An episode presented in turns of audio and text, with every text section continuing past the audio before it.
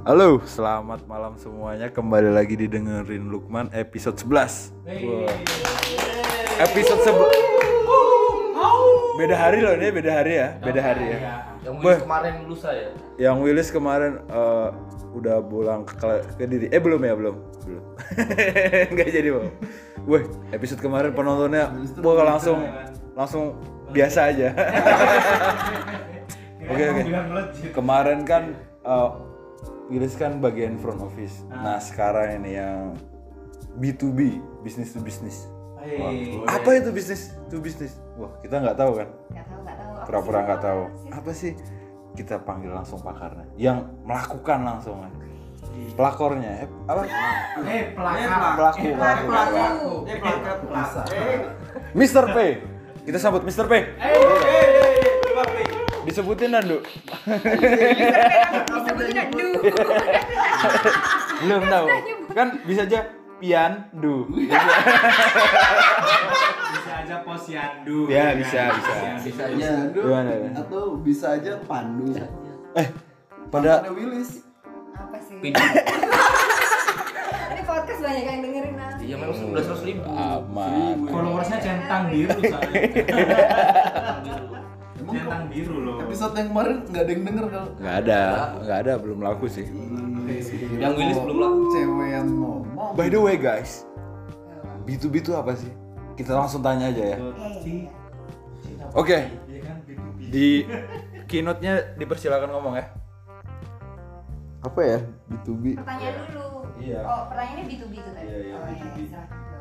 B2B aku sendiri juga nggak tahu. Aku baru tahu hari ini. Ternyata aku bergerak di bidang usaha yang katanya B2B, business to business. Ya. Kalau dipikir-pikir ya juga sih, tapi aku nggak tahu. Aku cuma tahu pekerjaanku apa-apa yang aku kerjain. Itu aja sih. Apa lagi ya? Itu kamu bergerak di bidang apa sih? Oh iya, Eh, aku kerja di sebuah perusahaan yang bergerak di bidang jasa pengadaan pengadaan barang dan jasa. Bukan jasa aja, jadi barang dan jasa. barang dan jasa. Iya. Barang dan jasanya untuk siapa sih? Ya, untuk mereka yang punya bisnis lagi gitu. Makanya aku ya aku nggak tahu apa sih definisinya B2B yang benar. Nah, itu, ya, ya, ya. Itu pas pas pas pas perusahaanmu ini ya. Kamu nih kerjanya ngapain aja sih, Nduk? Eh, Role-nya. ya, ro- ya. Tugasmu tuh ngapain aja? Kan kita masih awam ya. Ma- Apalagi umur kita masih 21 kayak gini. Ya, 19. 19. Sisa 19. Eh, coy, coy ya, coy ya, coy. Sebenarnya di perusahaan tempat aku sekarang ini nggak ini nggak penting ya jabatan. Kalau secara jabatan aku junior engineer Ah, Iya di bidang mekanikal. ah. Nah, tapi aku punya beban kerja yang lebih dari cuma junior engineer. Kadang-kadang aku jadi lead engineer, ah. kadang-kadang jadi logistik untuk perusahaan itu di sebuah project. Mm-mm. Kadang-kadang juga aku jadi apa? Marketing, Merangkap. Oh, gitu. Berarti kan- order untuk perusahaan. Iya, iya, iya. Iya, kayak gitu. Nah, kita kan masih awam ya. Iya, iya, heeh. Keluh kesahnya kan pasti ketemu orang-orang besar, ketemu temu eh, Ini eh, owner-owner gitu kan. yang gede-gede, Yang gede-gede kayak Ah, kaya gitu kan. dari iya gimana dok? Ada keluh kesah nggak atau cerita unik gitu? Jadi sebelum ke sana eh, sedikit aja sih ngasih sharing pengalaman. Em, pekerjaannya itu yang digelutin ada di bidang jasa barang dan jasa itu untuk jasa di konstruksi untuk barang barang-barang industri. Barang apa aja lah yang bisa jadi bisnis lagi. Entah itu di perusahaan swasta apa perusahaan plat merah atau untuk instansi instansi pemerintahan itu sendiri. Ah, karena setahuku instansi pemerintahan juga ngadain barang atau ngadain jasa seperti pembangunan infrastruktur dan lain-lain itu untuk bisnis juga bisnisnya negara. Ah, untuk melayani masyarakat kan ah. yang dibayar lewat pajak. Nah kalau misalkan em, apa nih pengadaan eh, jasa pengadaan barang. Eh nggak nggak ada jasa ya? Pengadaan barang. Hmm, barangnya apa aja banyak kita general sifatnya. Barang apa aja yang diminta owner dengan klasifikasi yang ada dengan kemampuan finansial yang ada kita sanggupin. Contoh kayak sekarang lagi rame nih virus corona. Di mana mana instansi butuh tuh namanya masker hand sanitizer terutama di eh, instansi atau perusahaan yang basicnya pelayanan publik. Ya di pelayanan publik. Nah itu mereka butuh kan demandnya tinggi tuh iya. karena untuk kebaikan perusahaan dia sendiri nah kita kita supply nih. Ada permintaan dulu permintaan dari instansi terkaitnya. Hmm, tolong dong eh, diadain nih masker atau hand sanitizer nah itu kita bisa. Kita carilah harga-harga terbaik supaya nantinya bisa dikemas jadi penawaran harga terbaik untuk instansi tersebut. Karena nggak mungkin satu instansi atau perusahaan besar karena apa namanya dia harus turun sendiri beli ke pasar itu nggak mungkin. Walaupun dia punya banyak staff punya banyak karyawan mereka pasti butuh jasa orang ketiga atau third party ya iya, iya. bisa disebut. Kita yang cariin barangnya kita yang kumpulin barangnya kita yang supply bayar barangnya. Dengan sistem kontrak. Barang yang dikirim barang yang kita supply itu harus sesuai standarnya mereka permintaannya mereka berdasarkan kontrak. Jadi misalkan eh, misalkan puskesmas kecamatan A. Dia butuh seminggu ini 3000 box. 3000 box. Masker. Nah dalam satu minggu itu kita begitu kontraknya keluar kita dapat kontraknya itu harus ada dalam waktu satu minggu 3000 box. Tuh. Hmm gimana caranya? Nggak tahu. Pokoknya harus ada dalam waktu seminggu. Otak itu pakai muter-muter ya tuh kalau kita nggak bisa nepatin ada denda namanya penalti. Itu ada ini penalti. basicnya sama ya tuh ya? Sebetulnya sama kayak aja. apa aja kayak kamu usaha telur kah supply drop ship ke pasar-pasar. Sama aja. Cuma kita kebiasaan nonton di TV aja ya. Ini ada yang satu pengen kutanyain dulu ya. Iya boleh. Tadi kan penjelasannya udah bagus banget ya. Kalau misal deal-dealan sama pebisnis-pebisnis besar, itu kayak di TV-TV nggak sih? Serius gitu? Apa apa apa gimana? Bisa sambil ngopi apa ngomong biasa aja? santai aja sih nggak ada yang serius-serius ya. Kayak ngobrol biasa aja. yang ngobrol biasa aja kita biasanya itulah kalau dari bisnis ke bisnis kan kita harus punya link dulu Nah, siapa sih linknya siapa link kita di sana. Karena nggak mungkin kamu punya CV misalnya. Terus Willis punya CV hmm. atau Paksi punya CV tapi mau supply barang itu juga di instansi itu juga. Kalau nggak ada linknya emang ada informasinya? Oh gitu. nggak ada. Yang ada informasinya aja belum tentu mereka yang dapat. Gitu. banyak cara sih buat dapetinnya. Terlalu banyak cara. Oh, iya iya. Dapetin itu semua banyak banget caranya gitu. Hmm, Jadi muncullah tipu muslihat gitu. ya Banyaknya gitu ya. kan sekarang kan di hampir semua instansi online Hmm, gitu. kita familiarnya disebut eh, di biasa disebutnya bidding atau lelang Hmm. yang jadi kayak barang-barang yang tadi ku sebutin kayak masker atau hand sanitizer atau barang-barang industri berat semua itu dilelang online di tempatnya masing-masing di instansi masing-masing biasanya punya website gitu atau servernya online. Ah, kita rekanan dulu ke sana kita daftarin kita ikutin persyaratannya. Tapi itu juga nggak ngejamin kita menang. Oh gitu ya. sama sekali nggak ngejamin. Ternyata walaupun hargamu lebih murah daripada yang lain jadi banyak faktor ya. Biasanya kan kalau itu wah ini murah, Iya. aku beli sini.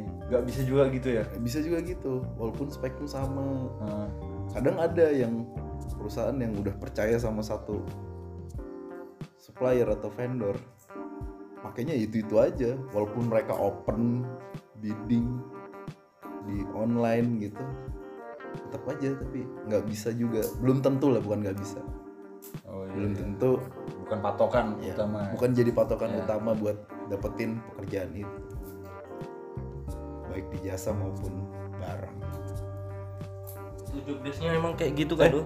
Weh, Nama dan NIM. nama saya Richard Reka Pasnim 2012 1021 0311 007. Masih ingat apa? Iya. Jadi Duh, tadi kan dijelasin tuh awal-awal job desk itu eh Mr. P, Mr. Paksi ya. Bukan dong. Jadi job desk-nya tadi udah diceritain emang ngerangkap jadi banyak gitu apa kudunya ada sendiri-sendiri apa biar lebih efisien jadi udahlah aku aja yang ngurusin semuanya. Kayak gitu. perusahaan kontraktor yang bonafit kayak BUMN itu juga kan punya tuh mereka. Apa?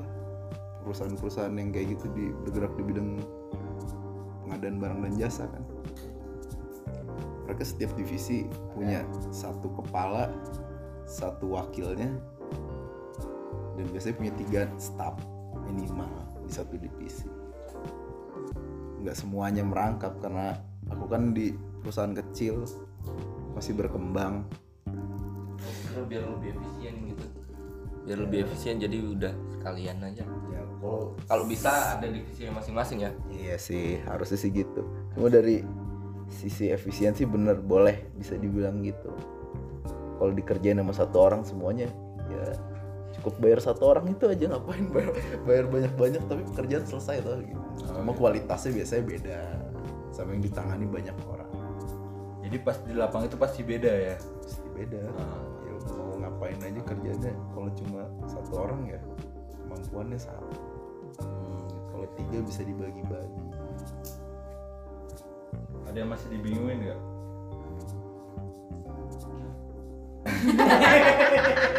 aku mau nanya, aku mau nanya. Iya, iya. Kan kalau di pengalaman tuh banyak teman-teman baru 2 tahun ikut perusahaan besar, terus punya modal, langsung buat CV, lama-lama goalnya mau ke buat PT, buat ngambil tender yang lebih besar, langsung cepet gitu Nduk. Ngerasa dia udah punya ilmu semuanya, padahal dia baru dua tahun, setahun. Itu ada itu gimana sih Nduk? Kok bisa gitu? Emang wajar kah orang-orang sekarang kayak gitu? wajar lah semua orang BU butuh uang. Iya. Bukan lain-lain. Bukan ancaman. bukan karena menurut saya bisnis di bidang itu kan menggiurkan ya. Ah, siapa sih yang nggak mau bisa ke situ? Ah, gitu. kalau cuma bisa doang tapi faktor yang lain nggak mendukung buat apa gitu? Maksudnya kalau aku sendiri sih kurang setuju. Aku udah tiga tahun ya eh, apa namanya? Bergelut di bidang ini. ya terjun di dunia ini gitu kan aku ngerasa kurang banget gitu. Masih banyak banget faktor. Kata orang kan kalau mau usaha atau apa modal aja cukup. Punya modal bisa. Padahal enggak wawasan tuh nomor satu Investment otak ya. iya investasi terbaik itu ada di diri sendiri Tuh. Tepuk tangan dulu. Kata-katanya lu kita di malam. Enggak. Siapa emang? Oke ya. Iya, benar-benar. Apa apa? gimana mas Nim, Ah, kalau apa Nim, nama-nama. jadi bus ah B, B itu B ya? B, B itu B ya suka dukanya itu kayak gimana sih kalau jalanin itu? Suka dukanya? Kan belum tahu aku Ah. oh jadi suka dukanya tuh gimana Mr. P? Banyak orang. pasti ada dua. orang orang awam kan pasti ngeliat ah ini masih muda terus kayak gini. Kan gimana? Apa sih. Suka duka mah di mana mana juga pasti Iya, pasti ada. Ada ya suka. Aku belum nemu sukanya ya masih dukanya terus tiga tahun ini. Apa sukanya? belum ada sukanya kok. Jadi apa yang dilihat orang tuh berbeda ya Ndu ya? Oh iya berbeda jelas lah. Berarti kan tiga tahun ini aku ngerasa duka semua. Belum belum ada aku nemu sukanya. Nggak mungkin kalau kamu misalnya duka nggak akan terlanjut. kenapa? Pasti ada sukanya. Lah. iya kah? Iya. Kalau kamu nggak suka ngapain kamu lanjutin? Sampai tiga tahun? oh. Enggak, Bukan, jadi terpaksa. maksudnya gini ya terpaksa nggak bisa juga terpaksa. Cuma kenapa dibilang duka semua? Ya, karena belum ada. Apa yang aku pengen? Belum ada gitu. Belum ada yang bisa diselesain. Masih banyak PR gitu. Dan aku orang yang ambisius. Kayak aku bilang dukanya masih berarti banyak konteksnya beda ya beda duka dukanya berarti untuk motivasi lagi untuk menyelesaikan goal-goalnya Oh, belum ini ya, klimaks gitu ya. Iya. belum belum nyampe Sampai klimaksnya puncaknya iya kalau Oh. Gitu loh kak, bukan puncaknya. Kelima. Iya kan sama. Iya. Iya sama klimaks ya. itu kata-kata yang harus diingat itu sebenarnya bukan masalah modal apa investasi terbesar tuh ada di diri kita sendiri tepuk tangan dulu Lu kita tuh. bukan pan Mr. P Tapi yang barusan ngomong kan Lucky. ya aku kan terus ya oke Ya. Dok, ada pesan enggak buat pesan aja ngomong pesan pesan Nah, terima kasih Oke. Eh belum. apa Dok? yang ada yang mau mulai bisnis kayak gini. Mulai bisnis ya mulai dari diri sendiri dulu. kembali lagi ya ke situ ya Iya. Nah, Bisnisnya apa sih? Bisnis tuh apa aja lah. iya. Kalau kayak aku kan di aku bilang tadi di awal kerja padahal aku bisnis. Hmm. Tapi ya udah jadi gitulah. Hmm. itu berarti kembali ya oke ke diri sendiri aja. Kalau mau bisnis bisnis apa aja ya ditekunin aja sih. Penting mah gigih aja. Jadi konsisten nomor satu Konsisten tuh wajib. Wajib. Tapi ada lagi yang lebih wajib sih. apa Disiplinnya. Disiplin. attitude ya berarti ya Iya. Disiplin tuh karena emang walaupun nilai apa enggak nilai dari diri kita sendiri ataupun yang lainnya nggak mencerminkan apa nggak ngejamin kalau kita bakal dapat kerjaan itu untuk di dunia general kontraktor ya. Iya. Tapi kalau kita udah disiplin mau nanti usaha kita bangkrut kayak gimana kita lari ke usaha lain bisa oh iya jadi bangkrut itu udah kayak makanan lah ya. Kalau kita sendiri udah bisa ngatasi itu udah disiplin attitude bagus bisa ngatasi lah. Struggle. Struggle. struggle. Itu gigi. Gigi Iya. ya. Berjuang. berarti struggle makes perfect perfect Nah, Bisa perfect- jadi. perfect doesn't mean anything Iya, Ah. perfect doesn't mean anything. Iya, Perfect iya. tuh Doesn't matter. Doesn't masing-masing orang lah. ya doesn't matter. Yang aku bilang tadi Problem. tiga tahun kerja ada suka duka nggak? Nggak ada, aku duka semua.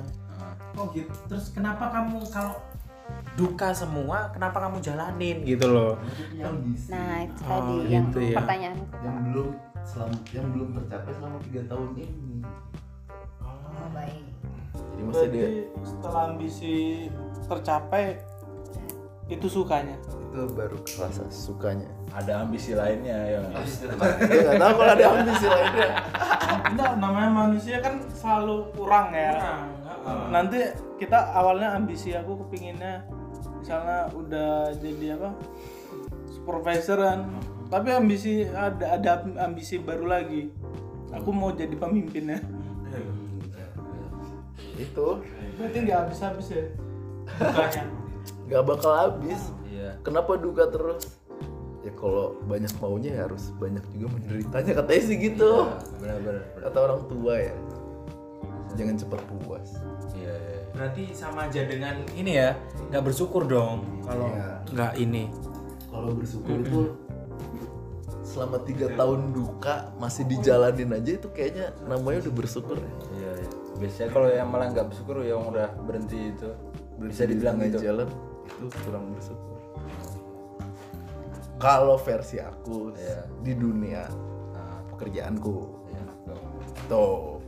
Weh, pernah di ini pernah pernah di penalti nggak? Pernah di penalti nggak? Pernah. Waktu itu kerjaannya apa?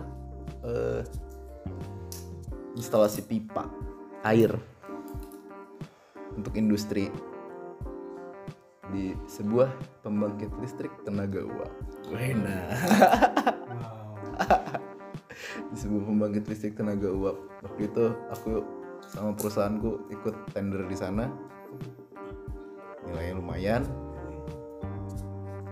Lumayan besar buat aku yang masih baru mulai karena hari itu ceritanya beres wisuda bulan November bulan Maret aku udah running di proyek itu.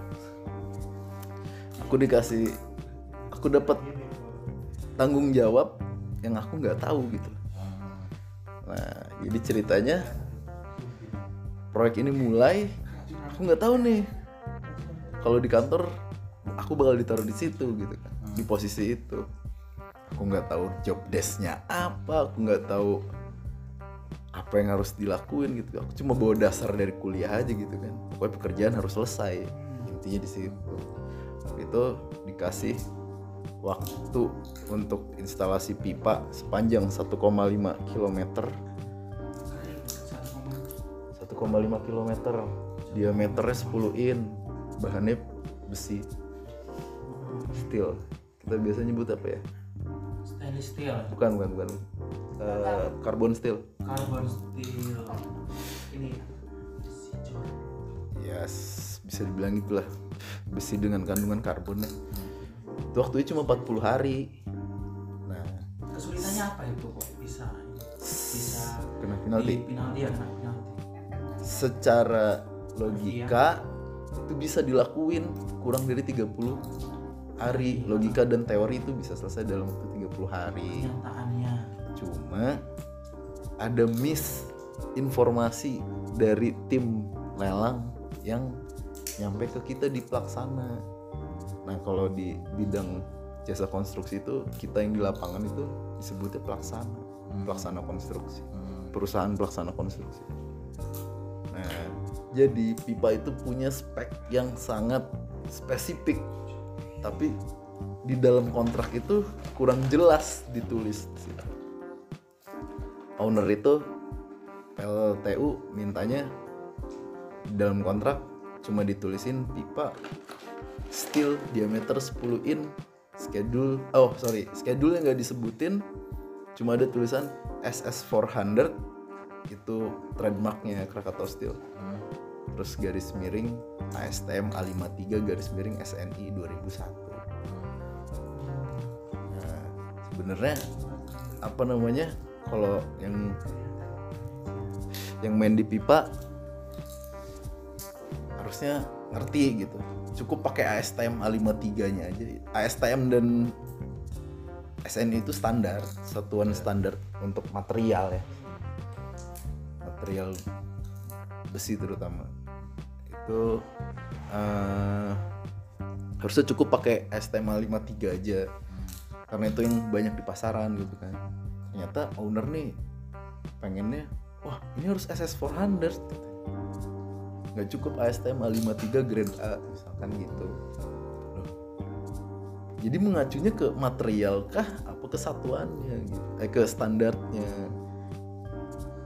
Mereka nggak bisa jelasin. Akhirnya kita teliti lah ternyata mereka pengennya SS 400 trademarknya punya Krakatau Steel Krakatau Steel itu eh, eh, jadi ternyata setelah ditelusurin sekarang sistem bisnisnya BUMN to BUMN ya government to government. Ya government to government BUMN to BUMN gitu kan. Jadi kita mau beli pipa itu harus dari perusahaan Krakatau Steel.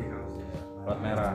Ya karena yang apa yang nyelenggarain pekerjaan ini juga BUMN PLN udah. Akhirnya kita samperin lah. Kita telepon bukan disamperin. Eksekutif marketingnya kan. Ditanya sama tim logistik kita itu gimana? Katanya "Ah, nah, biasalah nanya-nanya harga. Awal kan pasti harga terus stok barang. Nah si eksekutif marketing itu nyebut bilang gini kita nggak bisa ready dalam tiga bulan ini karena ada pesanan dari perusahaan plat merah lainnya yang harus kita penuhin dalam bulan-bulan ini. Gitu. Loh, jadi gimana? Kita ngerujuk kita kan dirujuk sama owner kita untuk belanja ke situ. Secara tidak langsung. Memang dalam hukum perdagangan sebenarnya nggak boleh nyebutin merek. Makanya dia nyebutin trademark. Mereknya nggak disebut kan? Krakatau Steel nggak disebut? Atau KHI Pipes anak perusahaannya KS namanya KHI Pipes itu yang produksi pipa. Nah, itu nggak disebutin cuma disebutin SS 400 ternyata mereka nggak punya stok untuk tiga bulan ke depan. Sedangkan waktu pelaksanaan instalasi pipanya cuma 40 hari. Oh. Nah, akhirnya gimana? Kita cari win-win solution lagi nih. Kita panggil lah eksekutif marketing dari KHI Pipe buat ketemu sama owner kita dari PLTU. Rapat, orang Pipe fair. Mereka nyebut nggak ada stok untuk tiga bulan ke depan. Nah ya udah akhirnya balik lagi orang dari owner gimana maunya owner kan KS nggak nyuplai plat besi untuk KHI aja masih banyak produsen pipa lain yang pakai platnya KS SS400 tuh nama apa plat besi tuh produknya plat besi. Kan pipa kan dibentuknya dari platnya di rolling. Mm-mm. dari plat dulu dibentuk jadi pipa. Nah, masih tetap pengen pakai SS400 nggak bisa. Ya udah akhirnya kita cari-cari lagi. Dan waktu nyari-nyari produk material itu tuh ngabisin waktu 21 hari. Sampai materialnya datang on site. Datang ke lapangan dari waktu pelaksanaan 30 hari eh 40 hari dikurangi 21 berarti tinggal 19 hari itu udah di luar logika dan udah di luar dari teori untuk ngejahit pekerjaan itu. Supaya tidak terlambat. Ya akhirnya kita terlambat. Penalti. Penaltinya itu 21 hari. Widih. penalti 21 hari itu denda kan. Iya. jadi sistemnya denda itu Hari. per hari. Denda per hari dari nilai kontrak itu dikalikan satu per mil. Satu per mil. Satu per seribu. Dari nilai kontrak. Aduh. nilai kontrak itu 3,5 miliar. Ya. Hmm. Eh nggak apa-apa. Jadi satu harinya tiga juta lima ratus dendanya. Dikali 21 hari dikali Satu 20 hari. oh sorry bukan 21 hari 40 hari aku terlambat Wow. jadi tiga setengah juta Hmm. Kali dikali 40 hari ya Ya. 140 juta itu dendanya Oh, nggak ada apa-apanya dengan keuntungannya ya. ya, pokoknya kurang lebih lah 40 hari aku lupa juga udah lama sih tiga tahun yang lalu Berarti intinya masih untung kan itu. tapi masih untung Oh, itu aman. tapi marginnya sedikit. Marginnya berkurang. Iya. Price gitu ya. ya begitulah. Ya nggak ngepres ngepres masih ada kok untungnya gitu aja. Karena lumayan sih. Ada margin waktu kita engineering itu apa? Estimate ya? Engineering estimate itu masih ada 40% dari nilai proyeknya 120 jutaan berarti dari 3,5 miliar cuma berapa nggak nyampe. Tapi 40% tuh ya tinggi lima, juga. loh. 15 persennya aja. Iya. Berapa tadi itu? 15 persennya aja. Iya. Udah diestimasi sama Pandu. Oh iya. Sekitar 15 persenan deh. Dari nilai segitu. Dendanya doang. Kita masih punya 20 persen lagi. Iya. apa nggak ini ya kayak perusahaan kamu tuh menyiapkan gitu ya keuntungannya tuh ditambah buat apa jaga-jaga kalau ini di apa jaga-jaga kalau ada penalti gitu loh. Jadi ditambah gitu kan keuntungannya. Ya kan? Masuk akal ya kan? Masuk akal sih. Ah. Kalau boleh sama negara tapi. Cuma ada undang-undangnya yang jadi nggak boleh. Nah, nah itu susahnya, susahnya, susahnya bisnis to government itu kita harus update terus undang-undangnya. Tiap tahun. Tapi tapi ntar kadang-kadang ada yang kok berubah sih tiba-tiba gitu. Iya betul. Iya. Itu diatur semua di perpres. Nah. Itu kalau aku dengar ya, maaf ya loh ini ya, itu kayak uang 140 juta. Itu kan untuk per orang besar, tapi untuk perusahaan kecil. Ada kemungkinan nggak itu disengaja ngomongnya nggak ada stok? Oh. Iya sih. nah iya Ke sana juga ada cuma Tapi karena kecil. perusahaan yang jadi owner kita ini bonafit sekali ya di Nah. bidang jadi setiap pekerjaan yang dikasih ke vendor itu mereka fair Oh fair. terbuka gitu ya. terbuka jadi mau dari Krakatau Steelnya mau dari Indonesia ah dari P- PLTU-nya itu terbuka mereka masih terbuka nggak ketutup-tutup banget Keren, keren, keren, keren. keren Mau nambah wawasan ya? iya penambah wawasan sih Aduh, aduh, aduh. Mantap, mantap, mantap. Sama mikir kayak kuliah. kayak kuliah Kuliah. berapa SKS ingat-ingat Pak zaman di pabrik kok nggak nanya karyawannya berapa gitu Eh, iya aku nanya, aku Oh, nanya. iya, iya. Karyawannya berapa dulu? nggak ada karyawan aku aja sendiri waktu di project itu wow Terus maksudnya? karyawan wow nah, staff ya kalau pekerja itu ah, ekstra banyak ya kan? Kalau staffnya cuma kamu doang. Ya satu. Gendut dong langsung ini apa ATM-nya ya. Wah, itu kan masuknya ke perusahaan. Kamu tahu maksudnya tetep ini bonusnya kan ini kan kurang tahu ya kalau bonus. Rahasia dapur. Iya. Iya Berarti paling bi- bikin senang gitu aja ya. Iya. Lihat nominalnya Tapi high risk, high return. high risk high return Nah. Itu kerjanya dari jam 8 pagi sampai jam 3 malam diulangi lagi besok Tidak jam ini 3 ya. pagi sampai jam 3 malam selama 40 hari Eh, 49 hari Oke, sekian ya. Terima kasih Pan, anu Mr. P. Mr. P. Eh, tepuk tangan dulu buat Mr. P. Terima kasih Mr. P. Instagramnya Instagramnya Instagramnya apa? nggak boleh cok Dia kan tadi udah nge-sensor, Oh, iya. masa 我先。安静，不要。